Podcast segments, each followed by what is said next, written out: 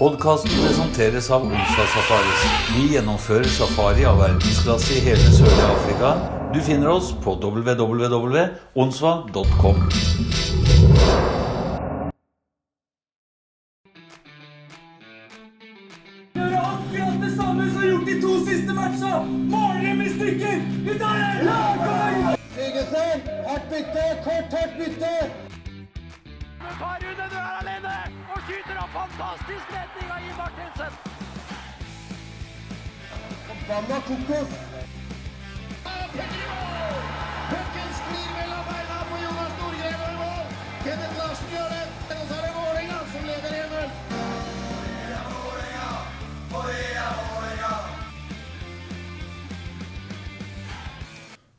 tilbake til podkasten blant eh, kokos og kålrabi.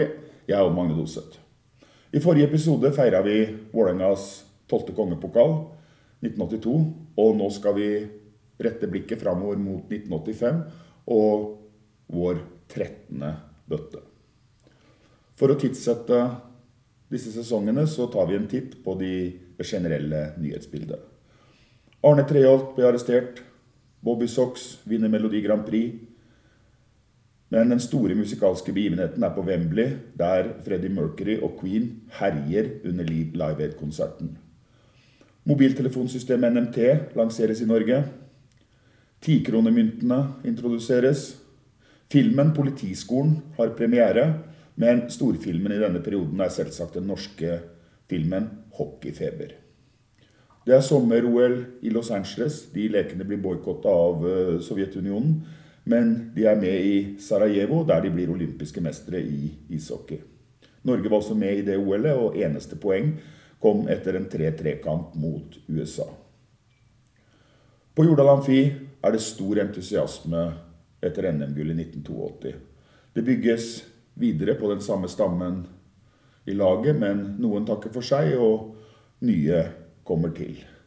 Blant de som nå gir seg, er Roy Sleiper'n Jansen, som avslutter en fantastisk karriere i Vålerenga etter 1984-sesongen. Å forsvare en tittel kan være vanskelig, og det fikk Vålerenga erfare i 82-83-sesongen. Det var mange klubber som rusta opp.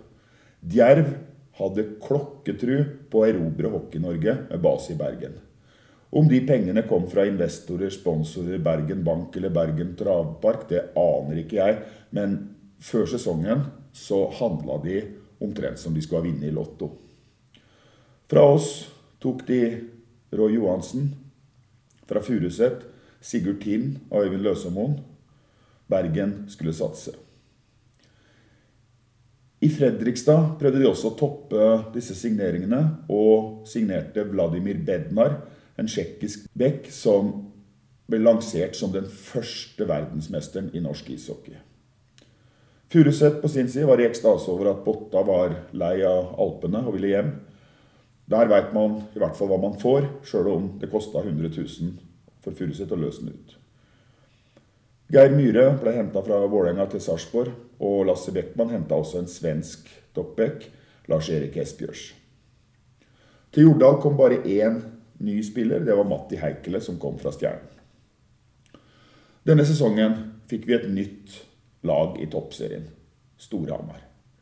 Det skulle ta litt tid før de ble et topplag, og dette var liksom ikke starten på hatoppgjøra mellom Vålerenga og Storhamar. Storhamar var bare litt som den brysomme lillebroren som fikk være med og spille litt, mens den holdt seg litt i bakgrunnen. Når det er sagt, så er dette debutsesongen til Erik Kristiansen, og han markerte seg fra første dropp. Som vanlig så er det litt kok i presisen. Manglerud sto i fare for å miste plassen etter et underskudd på 500 000, og Øyvind Løsemoen ble trua med tolv måneders karantene i forbindelse med overgangen til Djerv. Men både Løsa og Manglerud kom på is til sesongstart. Vålerenga starta sesongen åpningskamp mot Furuset med tap. Kamp nummer to ble den første toppseriekampen mellom Vålerenga og Storhamar noensinne. Og i den kampen så viste Vålerenga igjen litt av sin uberegnelighet. Matti Heikele satte inn 6-0.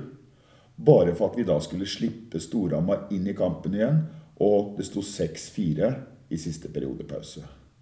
At Vålerenga til slutt vant 8-5 er én ting, men å slippe en, slippe en slik ledelse, det bekymra til og med den mest trofaste tilhengerskaren. Sesongen gikk litt opp og ned for vår del, men det var likevel moro på Vålerenga-kamp. Vålerenga har profilene, sjarmen og underholdt mer enn de frustrerte.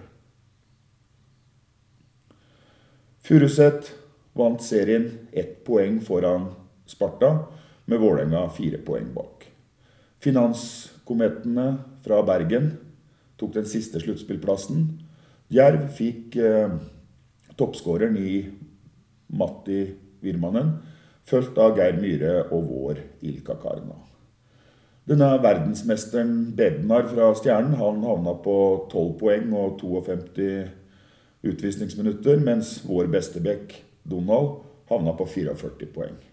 Det var vel en grunn til at klanen sang 'Katta i sekken' i Stjernehallen. Så var det ut i semifinaler, og nok en gang så møter vi Furuset i sluttspillet. Vi tapte to kamper og måtte spille bronsefinale mot Jerv. Bronse ble det etter 9-5 foran bare 1039 tilskuere på Jordal. Og det er en grunn til at disse bronsefinalene ble borte. Vi kommer over til 83-84-sesongen. Den sesongen så ble serien redusert til åtte lag. Djerv måtte kaste inn håndkle og starte på nytt i tredjedivisjon. Da ble det en del godbiter ledig på markedet, og resten av klubbene kunne forsyne seg. Den første som ble tatt ut av den godteposen, var Roy Johansen, som dro til Sarpsborg. Sparta fikk også hjem Steffen Foyn fra Sverige. Øyvind Løsemoen dro til Hamar for å spille back sammen med Åge Ellingsen, som kom fra Furuset. Og Stjernen henta Ørjan Løvdahl fra Sverige. Det var nok en av de beste signeringene denne sesongen. Vålerenga var forsiktige, men henta ny svensk trener i Lennart Johansen. Og fra konkursboet til Jerv så kom det en skikkelig forsterkning i Sigurd Tind. I tillegg så ble Glenn Slivon henta fra Viking. Sparta var favoritter. Vålerenga, Furuset, Stjernen, MS var alle kapable til å gå hele veien. Denne sesongen bemerka Vålerenga seg på en annen måte, med en utstyrsnyhet. De spilte i en form av for langbukser som skulle ha revolusjonerende egenskaper og være fremtiden i norsk ishockey og i internasjonal ishockey, ifølge noen kloke hoder.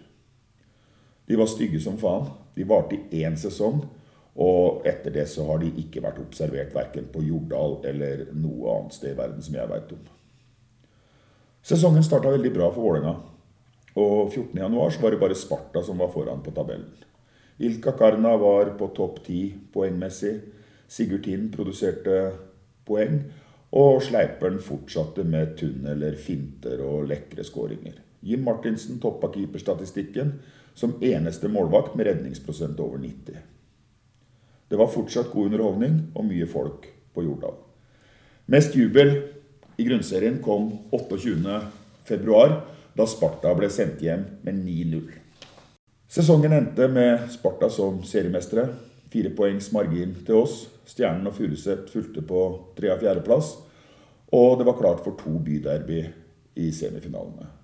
I Oslo var vi vant med Vålerenga-Furuset i sluttspill, men interessen var fortsatt stor. Følelsene var hete, og Jordal fyltes opp på nytt. Furuset skulle man aldri undervurdere på den tida, og det ble heller ikke gjort. Finaleplassen ble sikra etter to kamper, 6-4 og 2-0. Så er det klart for finaler mot Sparta. 13.3.1984. 10-26 ut i Sødden. Christian Arnesen setter inn 5-4 bak en frustrert Tommy Skårberg. Og første finalekamp er i boks. To kamper å gjøre det på på egen is. Det er som et slags déjà vu fra 1981, da vi vant første kamp i Østfold mot Stjernen, for å så å tape to kamper på Jordal, og slik blei det igjen. Jordal Amfi fyltes på ny. Vålerenga med mange gode og verbale fans. Men det var også blåkledde kålabber med trommer og blåseinstrumenter. Sparta satte inn både 1-0 og 2-0 i første periode, og den ebba ut med 4-1 etter at Matti Heikele skåra vårt mål. Det ble til 5-1 før Sleiperen satte sitt aller siste mål etter tre tiår i norsk ishockey for Vålerenga. Kampen endte 6-3 til Sparta, og det var klart for en avgjørende kamp. 16.3, Jordal Amfi, stappfull. Trommene til Sparta gikk også for full maskin helt til sluttsignalet gikk, og det sto 5-2 på tavla. For oss var ydmykelsen total, i og med at både Steinar Bjølbakk og Roy Johansen kom på skåringslista i den kampen.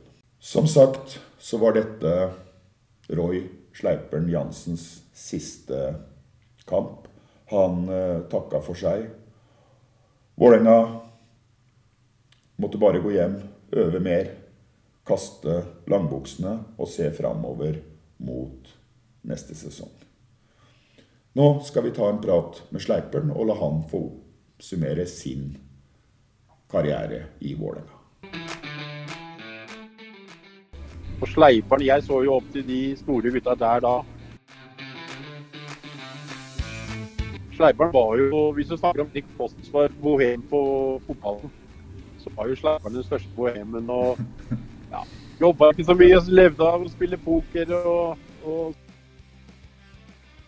Ja, ja, ja. Han var jo et balltalent, så han var god i biljard. og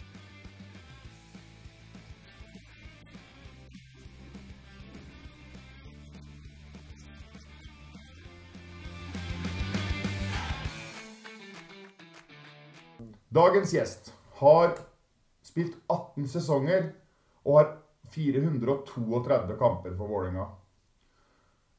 Karrieren endte med 241 mål. Det er nest mest i Vålerenga etter Arne Bilkvam.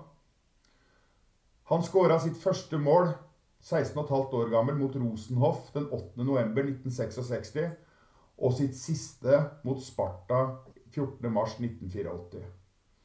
Han har seks NM-gull, første i 68, siste i 82, og han er én av to personer som har NM-gull i tre forskjellige tiår med Vålerenga. Debuterte på landslaget som 19-åring mot Østerrike, 73 landskamper. Var deltaker i Sapporo-OL i 72, som én av 67 norske utøvere. Han er norgesmester i biljard og er en habil pokerspiller. Men han har også en fotballkarriere. Norgesmester i fotball for junior 67-68. Han skåra i begge finalene. Selvsagt for Vålerenga. Han har spilt på juniorlandslaget i fotball og har én sesong på A-laget til Vålerenga fotball. Dagens gjest omtales som en av de største bohemer gjennom tidene i Vålerenga, og er også skuespiller fra filmen 'Hockeyfeber'. Velkommen, Roy Jansen. Ja, takk for det. Takk for det. Er livet bra? Ja, livet er bra. Det går sin vante gang. Du har en fantastisk karriere, karriere i Vålerenga, Roy. Um, du debuterte allerede som 16-åring. Ja, det stemmer det. På ishockey A-laget til Vålerenga. Det var uh, veldig stort, og det var jeg stolt av. Mm. Vi ble faktisk norgesmester òg. Det var mitt første norgesmesterskap i ishockey. Og du har aldri spilt for noen annen klubb enn Vålerenga? Nei, det var bare Vålinga i mitt hjerte, som de sier. Ja. Og du spilte både fotball og, og hockey samtidig? Ja. Det, det, var jo sånn på den tida når jeg vokste opp på 60 og 70. Så til slutt så da blei det jo Når jeg blei gammel nok, da, eller bra nok med A-laget i hockey og ble tatt ut på landslaget, og da måtte jeg jo velge ishockey istedenfor fotball. For det lå nærmere mitt hjerte, for å si det på den måten. Ja, Tok du valget sjøl, eller måtte du velge? Jeg måtte velge. Okay. Jeg, jeg kunne ikke drive med begge deler. Nei. Sånn var det på den tida der. Det var akkurat et sånn generasjonsskifte. Så Derfor så valgte jeg hockey, for det, det likte jeg best. Ja. Men vi trener jo selvfølgelig men sommeren, og vi spilte jo B-kamper eh, i fotball og sånn og sånn, da, for å holde treninga like. Samtidig vi, vi trener med hockeyen da, på barmarkstrening. Hvordan var det å komme inn i Vålerenga som 16-åring? Jeg ser på laget fra den gangen. Det var jo mange personligheter i Vålerenga på den tida. Ja, det Du kommer inn som en uh, guttunge eller drittunge eller hva jeg skal si for noe. da, og Det er voksne folk rundt deg. og Når du kommer inn i garderoben på Jordal Og alle de der etablerte spillerne hadde jo sine faste plasser uh, i garderoben når vi skifta. Mm. Og da måtte jeg bare stille meg midt på gulvet i garderoben. For jeg visste jo ikke hvor jeg skal sette meg når skiftet. Nei. Og da husker jeg da, og da var, husker jeg det var en som heter Knut Nuben Stenberg og Steinar Bjølbakk. Ja. Roy, du setter deg mellom oss. Og det var eh, antas i garderoben på Jordal Amfi. Og da fikk jeg min faste plass mellom de to gutta. Så da var jeg godkjent, eller kall det hva du vil. Da hadde jeg iallfall en fast plass. Eh, Og der satt jeg helt til jeg la opp. Der, der satt du helt til du la opp. Ja, ja. Ja, ja, bra. bra. Eh, Jeg har prata med Erik Ask. Erik Ask er jo Ja. kjent for å ha nokså direkte tale og sånn. Og Ja, ja, og han sier at Sleiperen han hadde alt utenom treningsiver. Likevel så er, så, like, likevel, så er, likevel så er Roy blant de tre beste i Norge noensinne. Ah, nå legger jeg meg litt på, regner jeg, men eh, jeg liker nok kanskje høyt oppe på lista, det er mulig. Men blant de tre beste, beste, det er jeg litt uenig med. Det er som jeg sier til deg, du kan ikke sammenligne tiår, vet du. Nei. Om jeg var god på 60- og 70-tallet og begynnelsen av 80, og det kommer folk etter, og alt med treninger, det blir jo mer profesjonelt enn det var på den tida jeg trena. Og, Ja. og så fikk de litt mer penger, antagelig, vet du. Med penger. Ja, ja. Men, men samtidig så, så, så, så skåra du jo mål som Første målet ditt som 16-åring og avslutta tre tiår omtrent etterpå med å skåre i finalespill, semifinalespill mot, mot Sparta. Ja, jeg, det er de, jeg husker jo ikke ja. det, det er de måla, du husker ikke. Så det, det Men, har blitt en del mål, så det, sånn er det. men, men det å ha representert Norge i OL, det er jo en spesiell opplevelse. Ja, det var spesielt, det skal jeg ærlig innrømme. Det er, eh, det er vel eh, kanskje det største jeg har vært med på. Det er kanskje større enn Norgesmesterskapet, for å si det sånn. Ja. Nei, for, Ja, det det vil jeg si, for det, det var en opplevelse. ja, for det var jo fjerde gangen Norge var med i et OL i ishockey. og det ble et tap mot Finland, ser jeg på statistikken, men ellers etter det så Ja. gikk det veldig, veldig bra. Jeg tror vi tapte etter 13., hvis jeg ikke husker feil. Jo, du husker Vi tapte det. mye. 13 igjen. Ja. Ja, stemmer det. Ja, jeg ser det. det hukommelsen er der ennå. Ja, ja, ja, nei, det er ikke noe å si på den. Og uh, Nei, nei. du fikk også lov til å bli matchvinner 50 sekunder før slutt mot Japan. Husker du den Ja, det situasjonen? stemmer. Ja, det stemmer. Vi vant Jeg tror vi vant 5-4. Eller 4-3. Jeg tror det var 5-4. ja. Jeg er ikke 100 sikker. 5-4 er Jeg tror det var 5-4. Men eh, Roy, eh, vi skal prate mest om uh, Vålerenga og 80-tallet. Eh, Ja. Det var jo sånn at eh, det var jo mye NM-gull på 60-tallet. Det var et eh, NM-gull i 73, hvis jeg ikke husker feil. Og så var det stille en stund. Men på 80-tallet så skjedde det ting. Og, eh, og eh, det kom jo opp en ny generasjon. Jeg tenker på Totto, Jim Ja. og disse. Og du var jo en av de rutinerte. Kan du si litt om det? Ja, du kom, alle kom. Du hadde Donald, Roy Johansen, Arne Bilkvam. Det kom jo De var jo ikke mer enn 16-17-18 år, dem heller. da. Og det, alle ble jo landslagsspillere, for å si det på den måten. da. Så vi fikk jo et ja, veldig bra lag når de unggutta kom opp, da. Mm. Da var jeg, hva jeg kaller det for noe, en av de eldre rutinerte. Nei, det var jo Unggutt. Unggutt, ja. Nei, det var jo eh, Jeg tenker på sluttspill og den tingen. Det ble jo innført i 1980. Eh, vi tapte jo to finaler mot eh, Furuset. Og det var første gangen det ble innført sluttspill etter amerikansk modell. Før så var det jo en eller annen form for seriespill. Men blei ble kongepokalen mer verdifull i og med at det ble semifinaler og finaler? Nei, så langt eh, tenkte vi ikke. Så det Nei, nei. ja, Vi bare spilte for å bli best da, og prøve å vinne. Så jeg kan ikke si noe mer om det var noe mer verdifullt. Det vet jeg. Jeg har et avklappa forhold til dette, jeg, vet du. Ja, ja, ja, ja. Jeg vet det. Men uh, vi kan se først litt fram på sesongen 1980-81. Uh, jeg sitter med mye gamle klipp fra Arbeiderbladet. Det er en veldig god sesong av deg. Eh, Morten, Ja. Morten Pedersen i Arbeiderbladet han kjører jo en egen artikkel og vil ha deg tilbake igjen på landslaget. Ja. Fordi at det var noen som mente at du ikke var seriøs nok. Men Ja, han, det- han mente du var god nok. Men jeg kom tilbake, da. ja, det gjorde det. Så, så Men eh, vi snakka litt om dette med trening og dette som Erik Ask sa. Den to- 22.1.1980 så, så finner jeg en, eh, en artikkel. Der er det en kamp mot Frisk. Det står om poeng. Det er ganske viktig, og du må stå over fordi at du ikke har møtt opp på en trening. Men mellom andre og tredje periode så tror jeg det er hakket som må gå og gripe tak i deg igjen og få deg utpå i tredje periode. Ja, det stemmer, stemmer det. Stemmer det.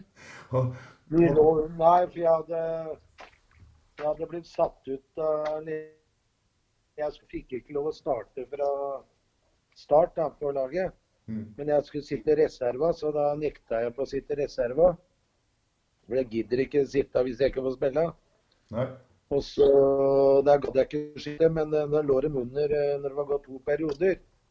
Og da måtte de opp og hente meg på tribunen. Og det var eh, Ja, det var Harald Hakk i Haugen som måtte opp og hente meg. Ja. Og han fikk overtalt meg til å komme ned og skifte i dag. Så jeg var jo Skifta veldig Du skifta jo vanligvis på sju-åtte minutter, vet du. Du skifta en periode. Ja, ja. Så spilte jeg hele, nesten, nesten hele siste perioden. og så. Men det er litt skryt, da. Men for å si det så enkelt, da vi lå under, det lå under eh, Jeg tror vi lå under 4-1, ja, så vant vi 5-4, tror jeg. Så ja, skåra tre og la opp til 2-1. da, Jeg vet ikke.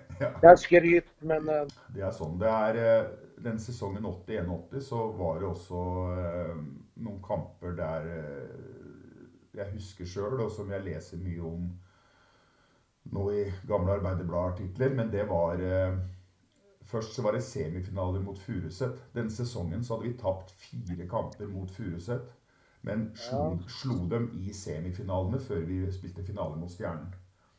Og det var noen, Det riktig, det. det, var noen fantastiske kamper. Og, og eh, Morten, Peder, Morten Pedersen kaller jo den ene kampen jeg tror det er 7-6 for århundrets kamp. De der oppgjørene mot Furuset, det var spesielt.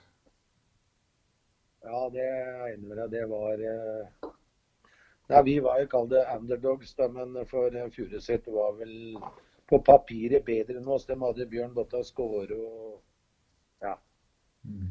Men eh, som du sier, vi tapte fire matcher, var det det du sa? Ja, i, i grunnserien, ja. Men når semifinalen Ja, i grunnserien. men, men Så slo, men så slo, vi, så slo dem i I semifinalen, så slo dem i semifinalen. Ja. Stemmer det. Og det er jo ganske Så det Ja. Men det er, det, er, det er jo sånt som skjer, da. Men normalt på, på, på, på papiret så var vel Furuset bedre enn oss. Ja. Men, eh, men så tapte vi finalen, var det mot Stjernen, var det ikke det? Mot Stjernen, ja. Da. Ja, jeg tror det var Stjernen. da Vi vant første matchen, og så tapte to, eller hva det var. Ja, Ja, det er riktig. Det, det er litt typisk Vålerenga. ja, ja. ja, ja. Nei, vi trodde vi hadde vunnet da, vet du, siden vi hadde slått Furuset. Nei, du snakka, litt, eh, litt om Furuset og den biten, og du nevner jo Botta. Jeg husker jo veldig godt når jeg Så var det jo sånn at Ja. uh, Furuset hadde sin Botta, og Vålerenga hadde sin Sleipern. Du ble ofte sammenligna med, med Botta. Men har du, har du noe å si om Botta? Ja, det er, jeg har mye å si om han, jeg. Jeg er jo Jeg spilte Jo, jeg kjente Botta godt, selv om han var ti år yngre enn meg. Så det siste året Han kom jo fra Canada. Vi var vel i Galati i Romania, tror jeg vi spilte. Og da spilte jeg i rekke sammen med han og Sven Lien, da, og det gikk jo veldig bra. da. Ja. Men samtidig så jeg spilte litt eh, back på den tida òg, da, på landslaget. Så Men jeg har bare positive ting å si om Botta, jeg. Altså. ja. Så... Men dere, dere var jo de to store profilene i Hockey-Norge. Det er vel ingen som har vært bedre enn Botta.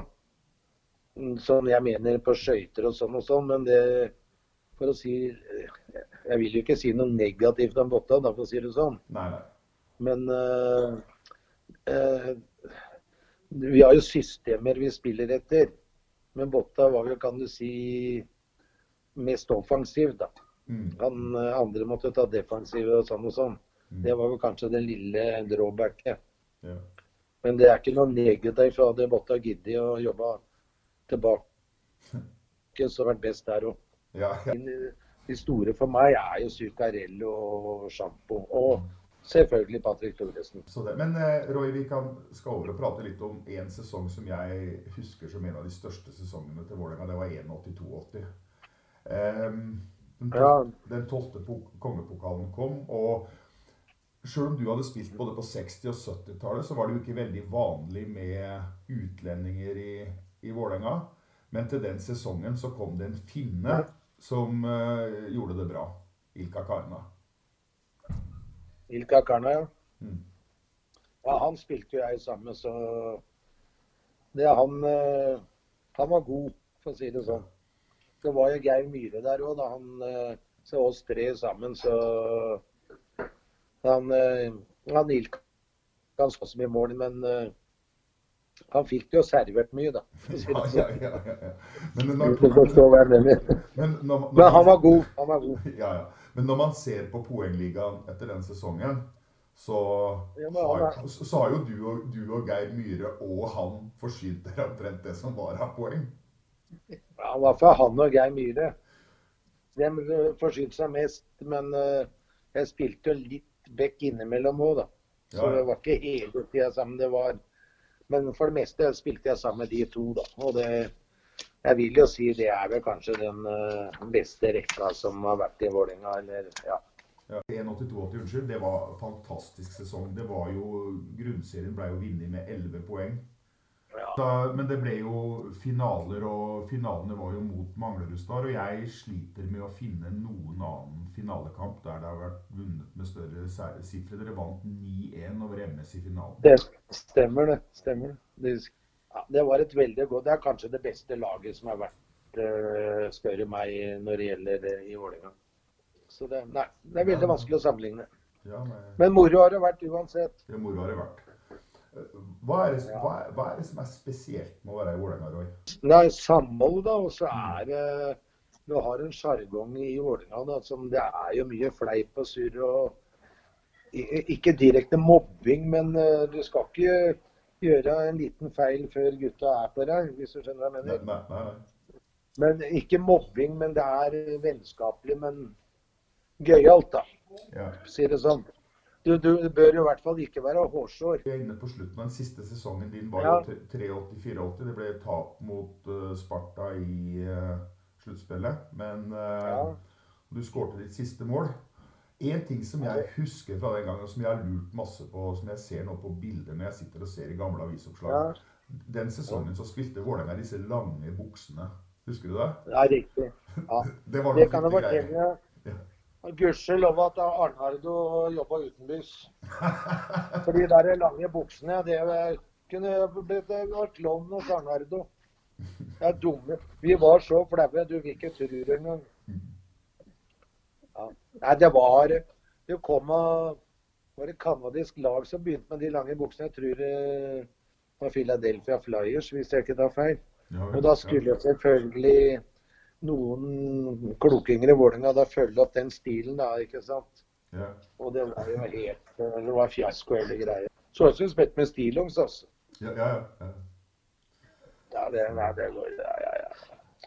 Nei, altså, det var eh, vi, Til å begynne med var vi veldig flaue over det. Vi, vi følte oss dumme.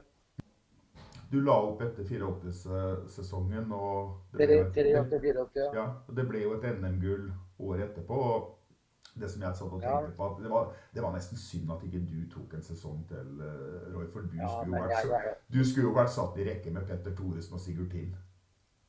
Ja, det, Hadde jeg tatt en, en sesong til, så kunne det kanskje ha skjedd. Det vet jeg ikke. Men hadde jeg tatt en sesong til, så hadde jeg kommet på laget, tror jeg. Så det, Ja, det, det tror jeg nok. Det er bare Men du kommer til punkt i livet at du ja, du ble lei og ikke gidder mer, da, for å si det sånn. Og jeg hadde jo mange andre interesser òg, jeg. da, vet du, Fløy på drabanen og spilte litt poker og Skjønner du? Ja, ja, ja. Det er kanskje litt dumt å si det, men, Nei, det men det er ærlig sagt. Ja. Dette veit vel du. Eh, Roy, eh, du har vært på Jordal i tre tiår, som du har sagt. Du har sagt at det er vanskelig å sammenligne tiåra. Gjestene her har jo blitt bedt om å sette opp en drømmefemmer ut fra de de har spilt med. Eh, du skal få to sjanser, du skal få sette opp to femmere. Du, er, du og Marius Ratt er de eneste i Vålerenga som er, har norgesmesterskap i tre forskjellige tiår. Ja, er det det, ja? Ja Ja. vel. Så hvis vi- skal jeg sette opp, skal jeg sette opp to, to drømmefemmere Ja. i to tiår? Ja, da må jeg si Kan jeg ta 70 til 80, da? Skal jeg ta den? ja. Da må det bli Steinar Bjølbakk, Arne Mikkelsen og meg. Og så må jeg ta på 80-tallet. Da må det bli Ilka Karna, Geir Myhre og meg. Da kan du ta Donald og ja, enten Tor Helge Eikeland, Jon Magne Karlstad. I hvert fall Donald. Og så hadde selvfølgelig Jimmy i mål, da. Etter alle de åra her, Roy, Nei hva er det du husker best? eh, Hva er det beste minnet du har fra Jordal? Ja, det er veldig vanskelig å si. Det må jo være Det beste minnet må jo kanskje være når jeg kom på A-laget da jeg var 16 år. da. Ja.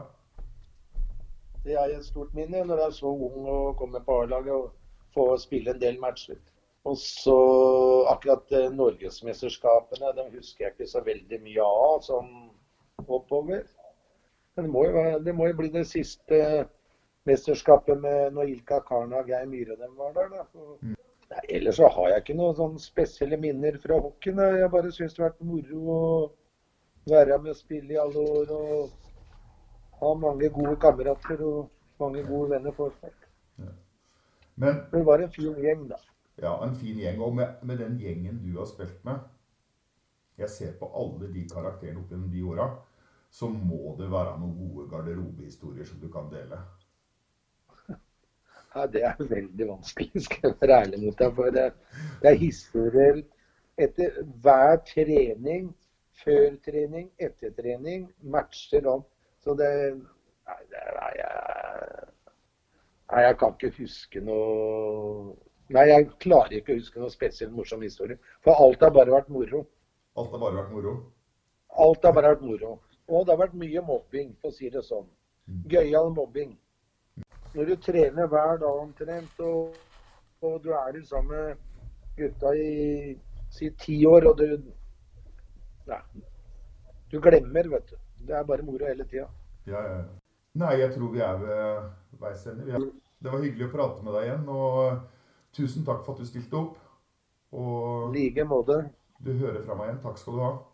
Ja, ja. Det var veldig koselig når du tok av deg brillene, for da kjente jeg deg igjen. Takk skal du ha, Roy. Da er vi klar for 84-85-sesongen. Det er en ny sesong. Korta skal stokkes og deles ut på nytt. Alle starter med null poeng. Om det var joker eller svarteper, det aner jeg ikke, men den første store nyheten er at Lasse Beckmann tar over Storhamar. Og i Arbeiderbladet 19.9 sier Lasse Beckmann til Svea i år kommer gjennombruddet for Storhamar. Serien var nå igjen på ti lag, og de nye fra fjoråret var den gamle traveren Haslelørn og første trøndelag i toppserien, Strindheim. Vålerenga hadde tre signeringer å by på før seriestart. Fra egen juniorstall ble Tom Johansen tatt opp. Fra Furuset kom Frank Vestreng, og fra Manglerud Petter Thoresen. Dette var spillere som skulle gjøre seg bemerka med umiddelbar virkning og i flere sesonger framover. Vi fikk også en ny trener, Lennart Aalberg, og han skulle vise seg å bli et godt valg, og var faktisk så bra at han like gjerne ble norsk landslagssjef. Åpningskampen mot Storhamar ble en målfest. Storhamar spilte sin hittil beste kamp i øverste divisjon. Vålerenga leda 4-1, men så gikk lyset på godt gammelt Engavis, og Storhamar tok ledelsen 5-4. Da sto Frank Vestreng fram. Først utligning til 5-5, og seinere matchvinner ved å sette pucken til 8-7. Men Storhamar ga et signal om at uh, Sirkus Beckman hadde kommet til Hamar, og at de skulle være å regne med. Spillet var underholdende effektivt, samtidig som vinnerviljen og innsatsen var på topp. Jevne kamper vippa i vår favør, og vi vant ofte tette oppgjør med små marginer. Men små marginer var det ikke mot Strindheim. Vi satte norgesrekord med 29-0. Så første tap mot Storhamar noensinne kom den 14. januar i 1985, der vi tapte 4-3 foran 4200 tilskuere på Amfin.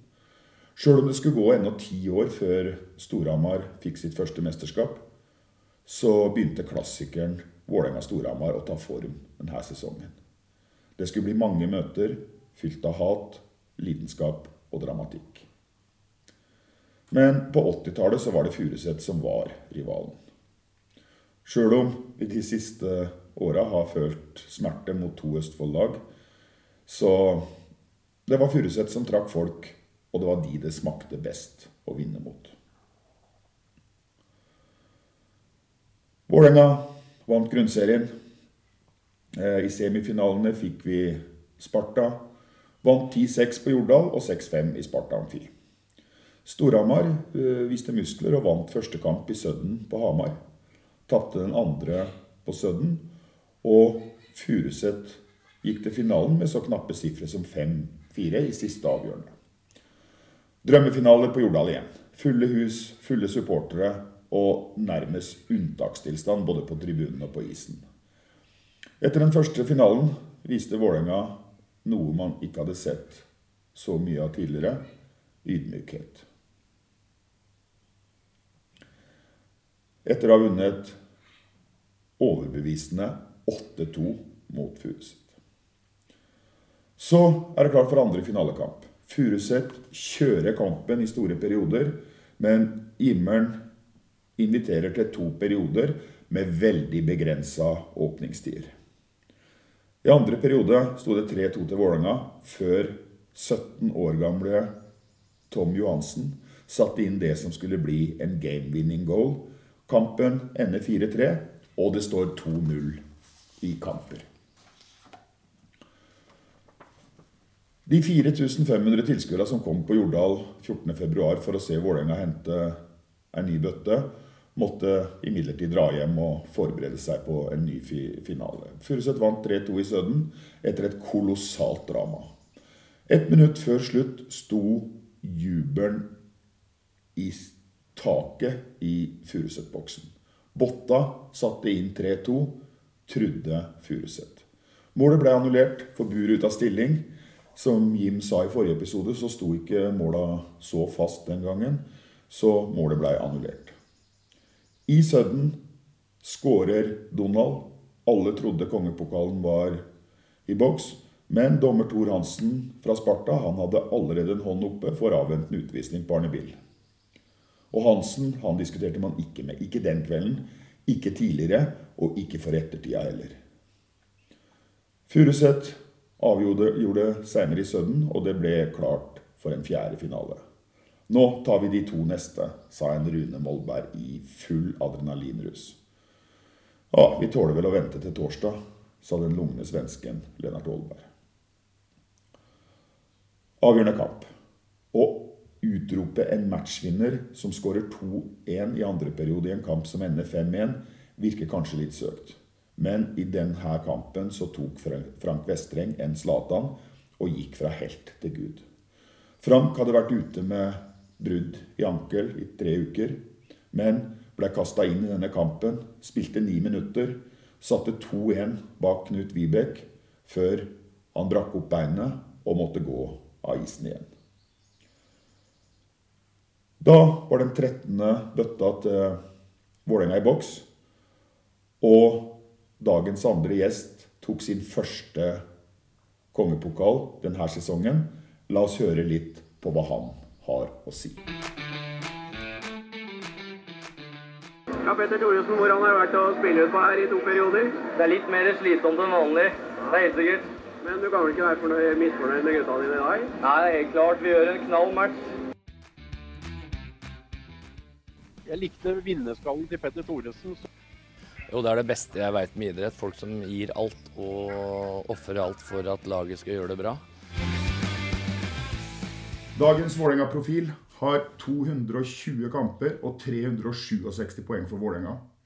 Han har 96 landskamper, 6 NM-gull som spiller, 11 NM-gull som trener, totalt 16 NM-gull.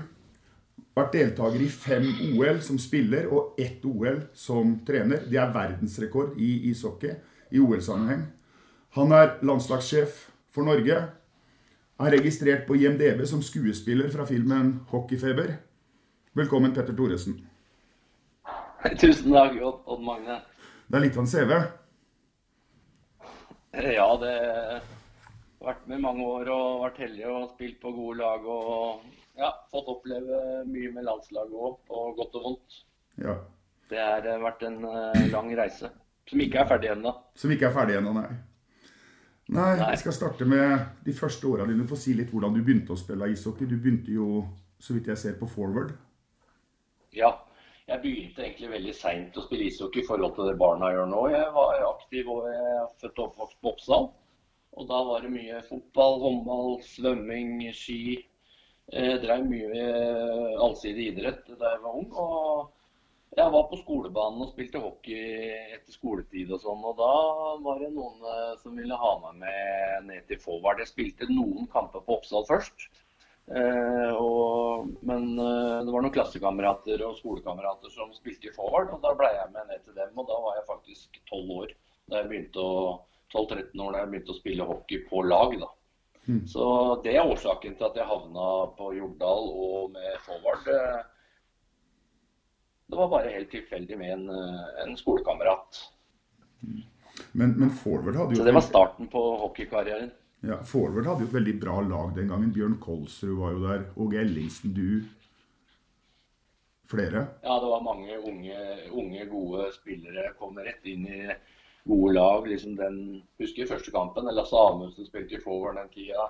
Ørjan Løvdahl, Harald Bastiansen, Bjørn Kolsrud. ikke sant? Eh, Åge Ellingsen. Det, ja, det var veldig mange gode ishockeyspillere som uh, hadde en lang karriere. da, Fra da vi møttes som 12-13-åringer. og Fikk mange Ole, eh, og VM, dem òg, kameratene der. Vi blei jo liksom skilt etter hvert, da. For forward Ja, vi prøvde å få til et bra A-lag eh, der da, som unge gutter. Vi var jo både bare 15-16-17 år, eh, de fleste av oss, da vi fikk lov å være med A-laget. Og rykka opp til førstevisjon som het den gangen. Men eh, vi ble dratt litt i alle ender. Noen dro til Sverige, eh, noen eh, dro til eh, Ja, Bjørn Kolsrud dro direkte fra forward til eh, Vålerenga. Og jeg havna i Harsel og Løren etter forward-perioden min. Som jeg er 17-åring, da, så dro jeg til Harsel. Så sånn var starten. Ja, Og du kom til Vålerenga i 84-85-sesongen. Ja. Og, det var sånn som jeg husker det, et veldig bra lag. Det var jo en veldig bra stamme i Vålerenga fra før, med folk født ja, rundt 1960, for øvrig 61 gode årganger. Men, eh, men de var nå i midten av 20-åra, slutten av 20-åra. Du hadde Bjørn Kolsrud, Jim Martinsen, Arne Bilkvam. Og så kom jo du, Sigurd Tind, Frank Vestreng. Samme alder. Ja. God rutine. Det var et bra lag. Ja, det var veldig, var veldig solid lag. Eh, eh, Eikeland og Karlstad. Altså, de hadde en stamme gjennom alle, alle år, Vålerenga, som de eh, lente seg på. Så henta de noen spillere her og der. og ja, Det er en av grunnene til at de hadde så mye suksess de, de årene der. Så, for de hadde en stamme i laget som var Vålerenga-gutter og, og leverte. Så kom jo liksom ja, Marius Ratt og Stig Johansen og Sjampo og Pål Kristiansen med flere eh, liksom følgende på da andre begynte å avslutte karrieren. Så det var utrolig fine år jeg hadde i Vålerenga. Ja, Det er faktisk riktig det du sier, at eh, det generasjonsskiftet som Vålerenga gjorde med å bruke ja, dere som fortsatt var på topp, Og samtidig som disse kommer inn, som du sier, Myggen, Marius Ratt, Pål Kristiansen. Det gjorde jo at du fikk et elegant generasjonsskifte fram mot 90-tallet.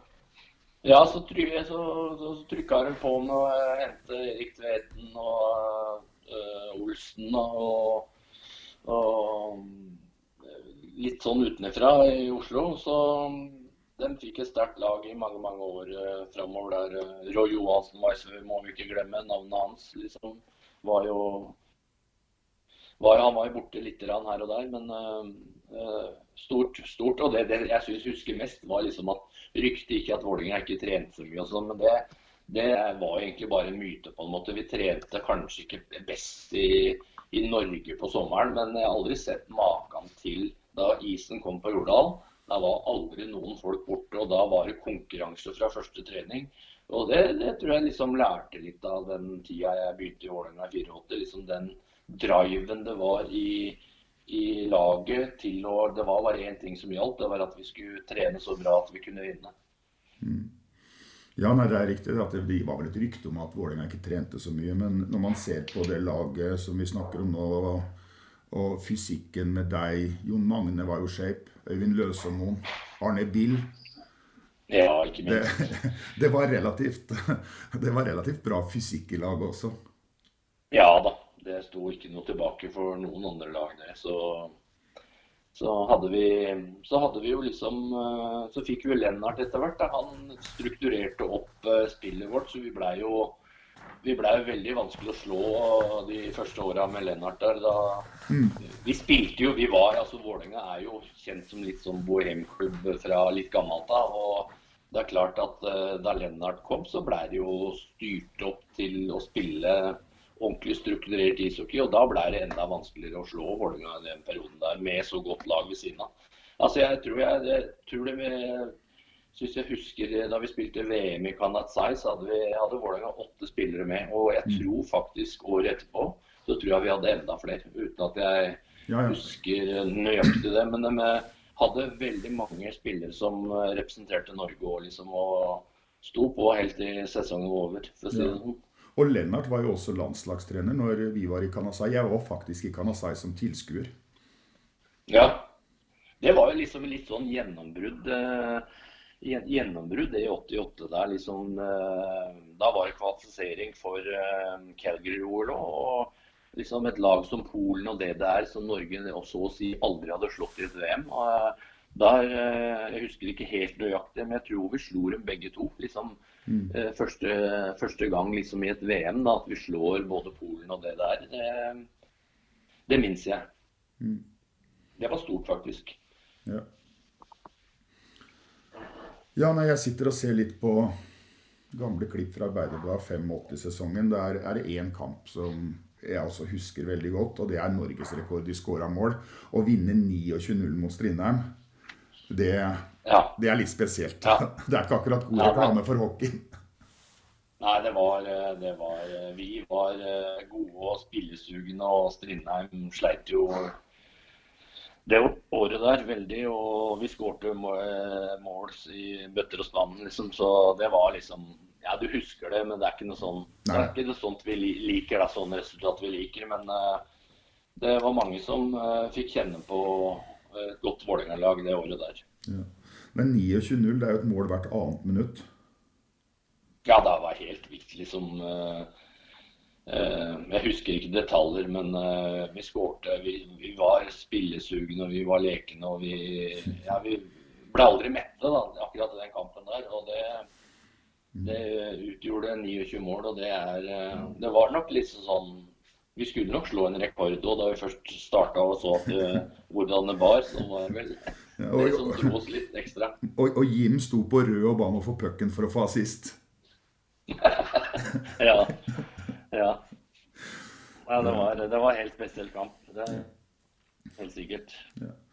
Men uh, eh, 85-sesongen, det var jo din første, og det ble også ditt første NM-gull. Slo Furuset i, mm. i finalen. Ja. Og, eh, det, var, eh, det, var, faktisk stort å få være med å vinne. Jeg hadde vært med med MS året før eller to år før, husker ikke helt, og tapt mot Vålerenga i finalen. Og det ga mersmak å være i en finale, men det er alltid surt å tape en finale. Det, det året i 85 da vi klarte å vinne over Furuset. Furuset var jo gode og største rivalen til Vålerenga den tida der. Så det var stort å få vært med på å vinne sin første kongepokal. Det må jeg si. Og du har jo aldri vært noe sånn spesielt interessert i å tape, da? Nei, altså hele tida. Det har vært kanskje min styrke i idrett. Da, at jeg har veldig lyst til å konkurrere og bli så god som mulig. Så, og jeg syns det, det er ekstra moro å være sammen med 30 andre og klare å nå målet. Mm. Det syns jeg er veldig givende. Ja, nei, for i de, i de gamle klippene jeg finner fra Arbeiderbladet, så er det jo også spesielt Svea framhever jo veldig mye dette med laget Vålerenga. Dette med overskriften f.eks. 'Én for alle, alle for én'. Det, det var liksom ingen utprega stjerner på det laget i 85, og det var liksom bare mange jævla gode spillere.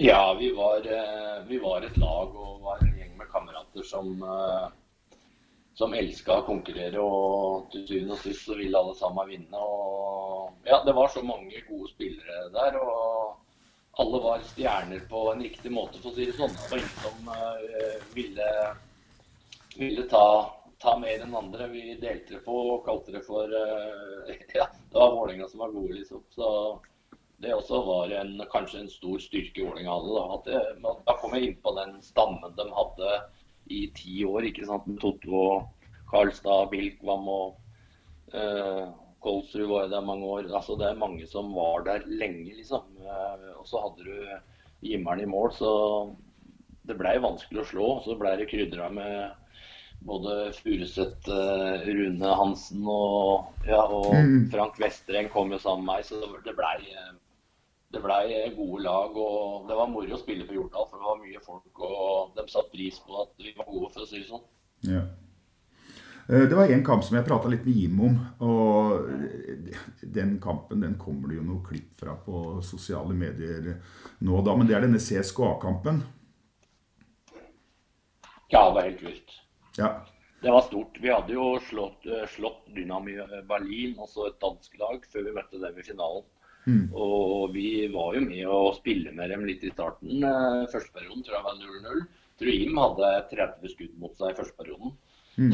Så, så han fikk verdens lengste hockeykamp. Eh, Men vi også hadde våre sjanser. Og så, ja, så skulle vi ut og, ut og sette, sette et powerplay. da. Så hadde jeg en liten indianer der til Lariono som tok med pucken på tennis. Og så skårte dem da vi var i overtall, så det var litt surt. Ja, nei, det, Da gjorde kaptein, kaptein Thoresen en tabbe.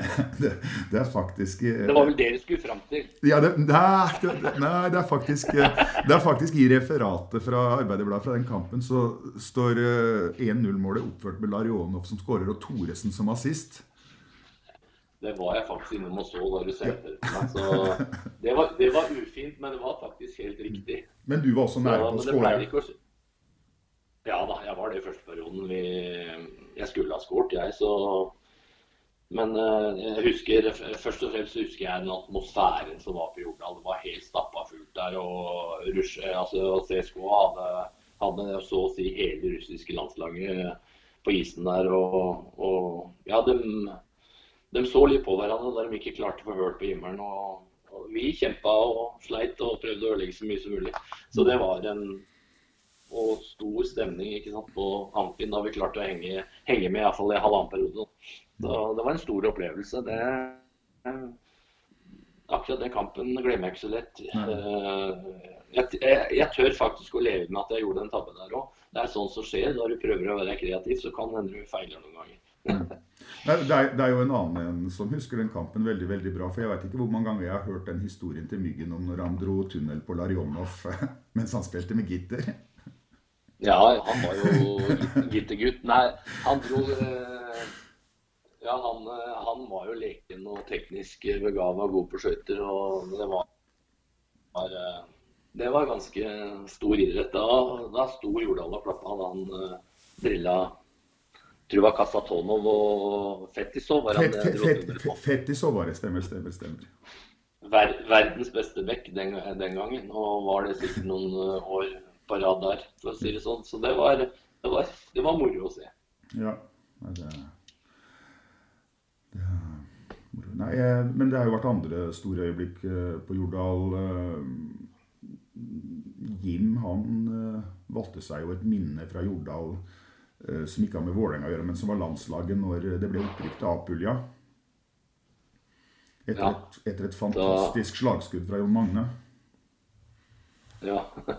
Det hadde de litt småtur, husker jeg. Jeg jeg satt på tribunen sjøl, jeg, og heia på gutta da. Ja. Jeg var ikke med det året der på landslaget, så det var en stor, sikkert en stor, veldig stor opplevelse. Samme som vi på en måte opplevde nå under OL-kvalet sist vi var på Jordal Amfi. Det var jo helt magisk å, å vinne over Frankrike der um, en kamp vi måtte vinne for å komme til Pyeongchang. Så jeg skjønner godt at en kan plukke ut sånne, sånne kamper, for de er veldig spesielle. De, de med Vålerenga når du vinner finaler og sånn, dem har du gjort flere ganger. Så det er, det er sånne spesielle, og spesielt med landslaget, å lykkes med landslaget, det er på en måte Det sitter liksom uh, spikra, på en måte. For det er ikke så ofte du uh, gjør ting med landslaget som du virkelig, virkelig um, er superstolt av. Mm. Så det skjønner jeg at Jimmeren tok ut den, men det har vært mange ja, i, I hvert fall på 80-tallet. Mange tøffe kamper mot Furuset som vi dro i land. Og, og finalespill mot Stu- Furuset som var stort, liksom. Men uh, jeg skjønner godt at den plukker ut den uh, viktige matchen for Norge, da. Eh, vi kan snakke litt om landslaget, og det som imponerer meg, er jo alle OL-deltakelsene. Du har vært med i seks OL totalt. Ja, det var eh, Ja, jeg fikk, eh, fikk, ære, fikk æren å være med allerede som 18-åring, liksom, som eh, i, i Lake Placid. Eh, og så, klarte Norge å kvalifisere seg de andre gangene. Og, og det var Så ble det to OL på et, intervaller der fra Albertville til Lillehammer-OL. Så var det bare to år imellom. Så aldersmessig så hang jeg akkurat med på Lillehammer-OL òg, liksom, som var mitt siste Ja, ja. ja. OL som spiller. Så det har vært sto- mange store opplevelser. Det å være med et OL, det er faktisk eh, veldig stort. Og øh, ja, det er et sterkt minne som jeg har om OL. Da. Det er den OL-kvaliken på som var på Jordal Amfi eh, for noen år tilbake. Da vi, da vi liksom akkurat klarte det og tok ut keeper og ja, virkelig klart å dra til siste for å kvalifisere oss til OL. Så det er, det er stort for spillere å klare å, å kvalifisere seg og klare å eh, komme til et OL, for det er veldig spesielt. Nei, og er jo debut-OL-et deres også Jeg snakka jo litt med Jim om det. Eh, en kamp som minner litt om den CSKA-kampen til Vålerenga, er jo den kampen mot USA i OL når de ble olympiske mestere. For da gikk det også halvannen periode der Jim tok alt som var, og dere spilte bra hockey og holdt dem unna. Ja da, det var, jeg husker det veldig godt sjøl. De var på hjemmebane og, og var jo i utgangspunktet ikke de største favorittene før det OL, men alle visste de var gode. Vi hadde møtt dem i en treningskamp i Jordal eh, en del måneder i forveien og spilt 3-3 mot dem der. og Vi hadde god trua og vi klarte å spille bra. Og Jim var selvfølgelig bra i mål den matchen. Så det var, det var egentlig en stor kamp, men vi står jo med null poeng da vi er ferdig. Men eh, det er noen ganger sånn at eh, du får ikke gjort noe mer enn å gjøre så godt du kan som et lag. Og det gjorde vi faktisk da, og spilte meget godt. Så det var en god opplevelse i Lake Placid der. Nei, du, du har 96 landskamper, Petter. Og så ser jeg på lista, Ja. så på plassen bak der så er Patrick, han er 94. Det er ikke, det er sånn Ja, at du, det, ja. Ja. det er, det er ikke sånn at du setter den ut nå for å beholde familierekorden i, i antall landskamper, nei. Nei, hvis uh, Patrick uh, holder ut og vil være med på landslaget og er god nok, så må nok den uh, rekorden der ryke. Han får større problemer med å ta meg inn på OL. Da. Det, jeg får trøste meg med det. Ja, der, har, der har han litt å gå på. Der har han noen år å gå på, det, det klarer han ikke. Men uh, han, han i god, uh, god form og, og lyst til å være med på norske landslaget, så, så ryker nok den rekorden der, hvis det, hvis det skjer, for å si det sånn. Patrick er ikke spesielt vrient å ta ut. Nei da, han eh, han, holder, han er god, flink til å trene og holder kroppen sin ved like og er profesjonell i det han holder på med. Så, så lenge han gidder å spille hockey, så kommer han nok til å være, være i form til å konkurrere på det laget. Ja. Ja, eh, Petter, vi, vi har snakka mye om Vålerenga, men eh, vi må også ta med at du har jo spilt både som, Du har vært spiller på Storhamar, og du har vært trener på Storhamar. Vært tilbake i Vålerenga som trener. Fikk faktisk to NM-gull som trener også med Vålerenga. Ja, da er jeg faktisk meget stolt av å komme inn der og Uh, ja, jeg husker uh, både Øystein Olsen og Marius Ratt gjorde comeback. Uh, jeg syns det var veldig interessant at de, de hadde slutta. Og så spurte jeg dem om de ville være med. De er gutter jeg kjente veldig godt. Og, og jeg har veldig stor sans for. det. Og de var jo med å bidra den sesongen 2003 der. Jeg mener det var den sesongen de kom tilbake og eller, og var med å vinne. Vi var, vi var gode en periode der, på et par år der. Så det var, det var gøy å klare å ja, komme til Vålerenga og klare å vinne NM, NM-gull og seriemesterskap og sånne ting med dem. Det var, det var gøy. Mm. Men eh, jeg har jo lyst til å gi deg litt kred og sånn også for den jobben du gjorde med Stavanger. Den var jo enorm. Er, jeg tenker på det, Petter, at først så Stavanger holdt jo på noen år, og de brukte ganske mye penger. De ansatte masse forskjellige trenere, spillere. Og det kom ikke noen kongepokaler før du kom. Jeg fleipa jo på Twitter en gang i den tida etter de to første NM-gulla. Så jeg tror det var Pål Hiksen eller Tore Kristiansen som skrev litt om utvikling. Og jeg sier at gi meg 50 millioner og Petter Thoresen som trener, skal jeg lage et hockeylag i Karasjok. Men, men, men, men, du, du, du, du, tok, du tok jo litt du tok veldig tak i det Stavanger-laget og forandra en del, sånn som jeg så det utenfra, litt attityd og litt uh, fokus i det laget. Og det blei veldig bra og gjenskapte suksess år etter år. Ja, det var, det var noe som trigga meg. Jeg var jo borte fra hockeyen i et par år. Og så, og så valgte jeg liksom å ta utfordringen og dra til Stavanger. For jeg så dem dreiv veldig bra med ja, økonomisk bra og ville, ville være den klubben som ville ta utfordringen og begynne å vinne kongepokaler. Så, men ja, jeg gjorde mitt til at det skulle bli bra. Men også klubben da liksom skjønte at de måtte gjøre ting. Kulturen der var sikkert ikke den beste bestandig. Og det å spille som et lag, altså det har jeg jo fra Spesielt fra Vålerenga-tida. Liksom det å spille som et lag, det er det som gir eh, mesterskap. Altså ikke, ikke ha noen utlendinger eller noen nordmenn som flyr der og er uh, høye på seg sjøl uh, overfor laget sitt. Det er liksom lagets, uh, lagets resultat som, som, gjelder hele tida, og det blei Stavanger utrolig flinke til. Og vi, vi, vi, ga liksom større plass til de norske spillere av den laget der. For det så jeg liksom da jeg så dem året før. De, det var jo utlendinger som spilte førstefiolin hele tida. Og det er ikke bestandig dem. De var gode hockeyspillere, men de var ikke noen sånne, sånne, noen sånne rollemodeller da, for resten av spillere på laget. og, og sånn. For det må være en god lagkompis å være det å dra. At det er viktigere at laget vinner enn at jeg har tre poeng. liksom. Så det blei vi veldig sterke til. å, å få fram i, i, i Stavanger Oilers i de, de sju åra jeg var der. Og, det, og, da er det jo liksom sånne spillere som kanskje ikke får de største overskriftene, som alltid var de viktige spillerne mine, som gikk i tette finaler mot Vålerenga og andre lag, liksom, som, som sto fram. Og, og for det er faktisk ikke bedre enn de svakeste punktene på laget ditt. og det, det er viktig å få med seg alle, at alle føler seg viktig i et hockeylag. Ja. Nei, det var vel egentlig litt dit jeg, jeg, ville ha deg. For vi trenger jo ikke navngi spillere, men jeg, jeg fulgte jo Stavanger. Jeg var jo i Vålerenga den gangen, og vi spilte jo mye mot de og, og, spillere som et par sesonger før hadde prøvd å gjøre alt sjøl og prøvd å ja, spilt for de tre poengene sine, som du sier. De forandra seg veldig den sesongen etter du kom.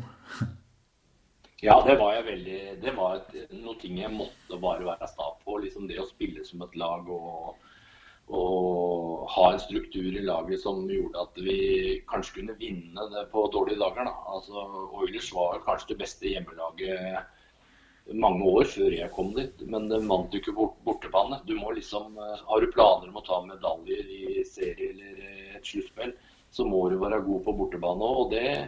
Hadde jeg liksom fokus på helt fra dag én. Liksom, og at vi må være solide da, for, å, for, å, klare å få nok poeng til å vinne seriemesterskap. Og ikke minst eh, hvis du må hvis du skal vinne et, eh, en kongepokal, så må du antageligvis vinne en bortekamp i ny og ne. Mm. Mm. Vi skal ta oss en liten tur tilbake igjen til Jordal, eh, Petter. Vi nærmer oss en, en halvtime. Men kan ikke du prøve å finne det beste minnet du har fra Jordal? Ja, beste minnet fra Jordal, det var uh... Ja, det er vanskelig egentlig å uh, Jeg er liksom Jeg er litt der uh, Jeg er nesten litt der. Det var jo veldig stas første året jeg var med å vinne på Jordal mm. med mm. Vålerenga.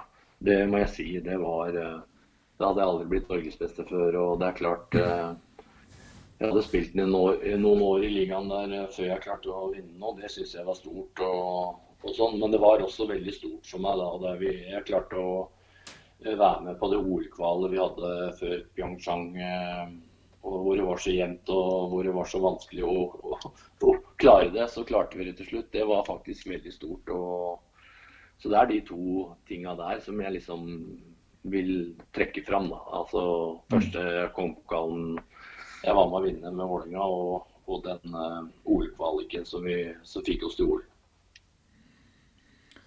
Har du noen veldig dårlige minner eh, fra Jordal? Hvis du har det, så håper jeg det er fra Storhamar-tida.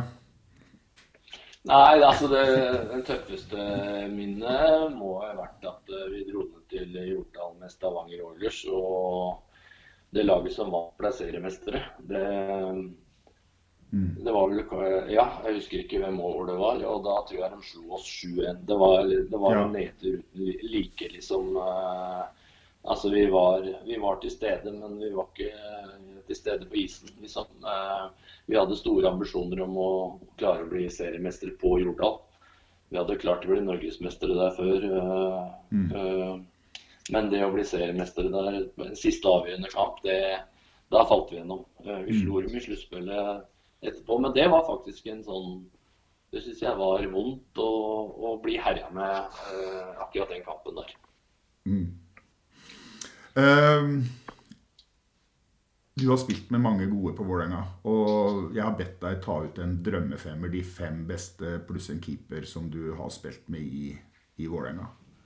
Har du tenkt noe på det? Eh, da, Det første som slår meg da, det er jo Immeren må jo få den plassen i kassa. Ingen bombe. Han, han får som regel det. ja, han gjør det. Det er han fortjent òg, uten tvil.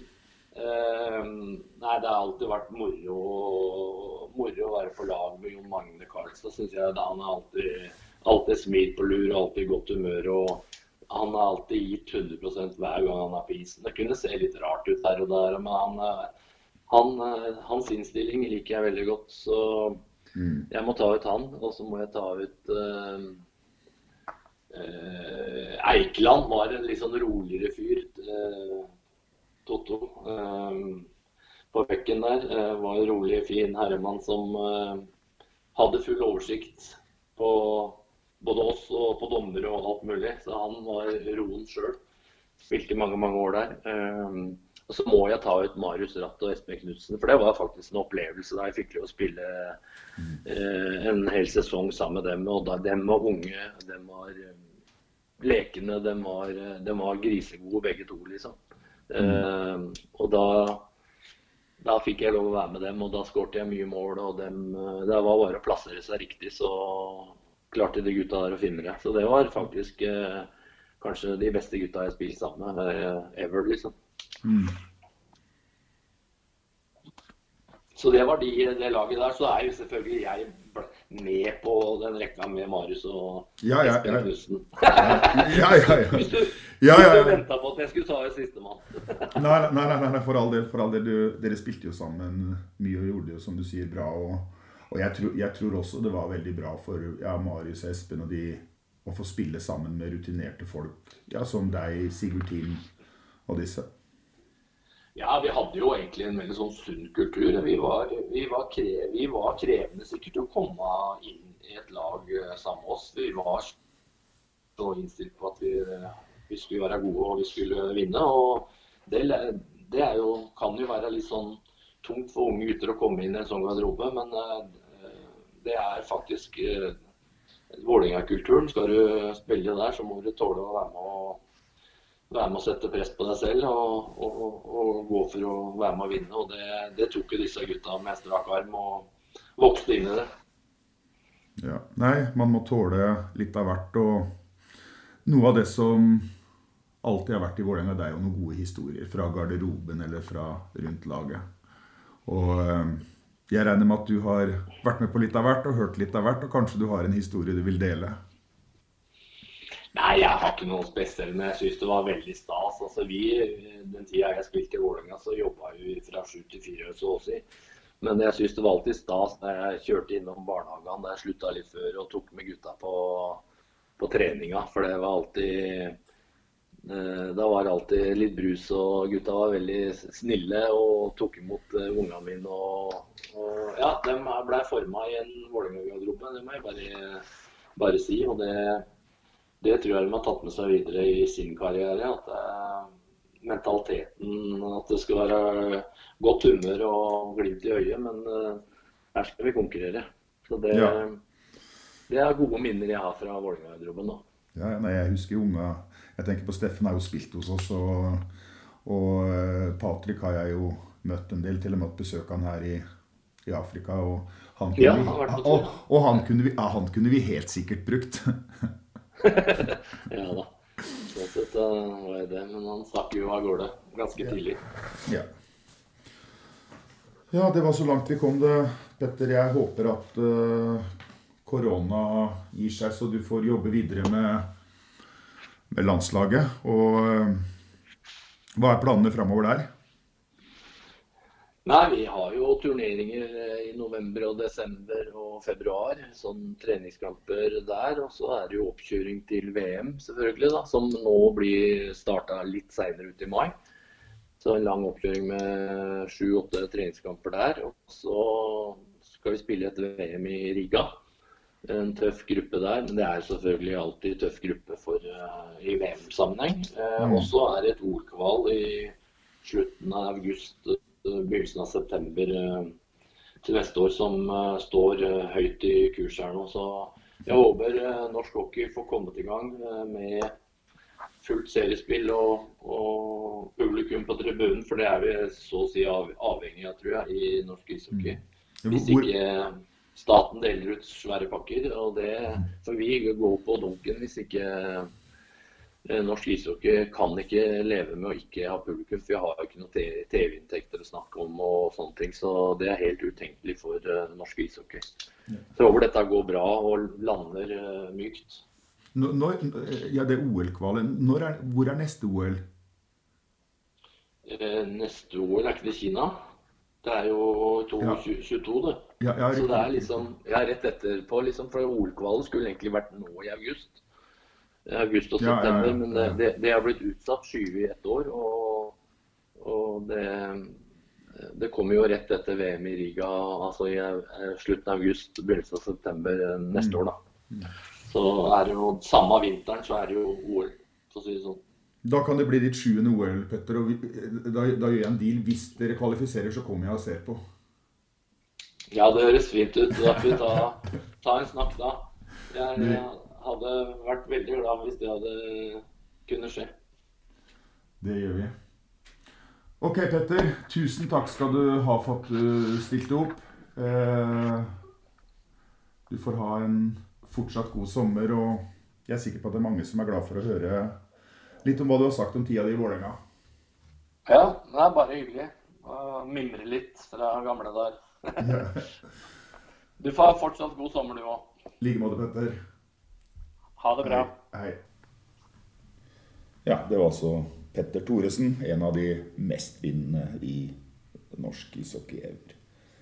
Norgesmestere for Vålerenga i 1985 er Jim Martinsen, Bjørn Slåttum, Øystein Karlstad, Jon Magne Karlstad, Bjørn Kolsrud, Helge Eikeland, Steinar Øyen, Paul Orle Widerøe, Glenn Slivon, Svein Espeland, Karl Erik Ulseth, Arne Bilkvam, Kåre Berg, Sigurd Tind, Matti Heikele, Petter Thoresen, Espen Stålseth, Frank Vestreng, Tom Johansen og Steinar Nordby. Og så er det klart for min drømmefemmer i perioden fram til 1985. I mål, ingen tvil, Jim Martinsen. Bjørn Kolsrud setter jeg som back, denne gangen i backpar med Totto, Tor Helge Eikeland. Som løpere setter jeg opp Arne Bilkvam og debutanten til 85-sesongen, Petter Thoresen. Og så lenge sleiperen er i stallen, så får han plass i min drømmefemmer. Da er vi kommet til eh, slutten. Eh, I neste episode kommer vi til å møte en debutant, Jan Tore Kjær. Og vi kommer til å ta en statistikkprat med en som har hjulpet meg veldig mye med denne podden, Dolf Andersen. Jeg håper at så mange som mulig av dere kan gå på Spotify, Apple Podcast, følge meg, følge denne podkasten og gi anbefalinger. Inntil da, takk for følget. Vi høres om noen få dager. Prøv å karakterisere Vålerenga som klubb. Fantastisk klubb. Eh, jeg kjenner en stolthet og bl.a. for å få bli kapten her på laget og vært her nå i seks sesonger. Så Vålerenga har en vinnarkultur som jeg ikke har sett på noen andre steder det har vært.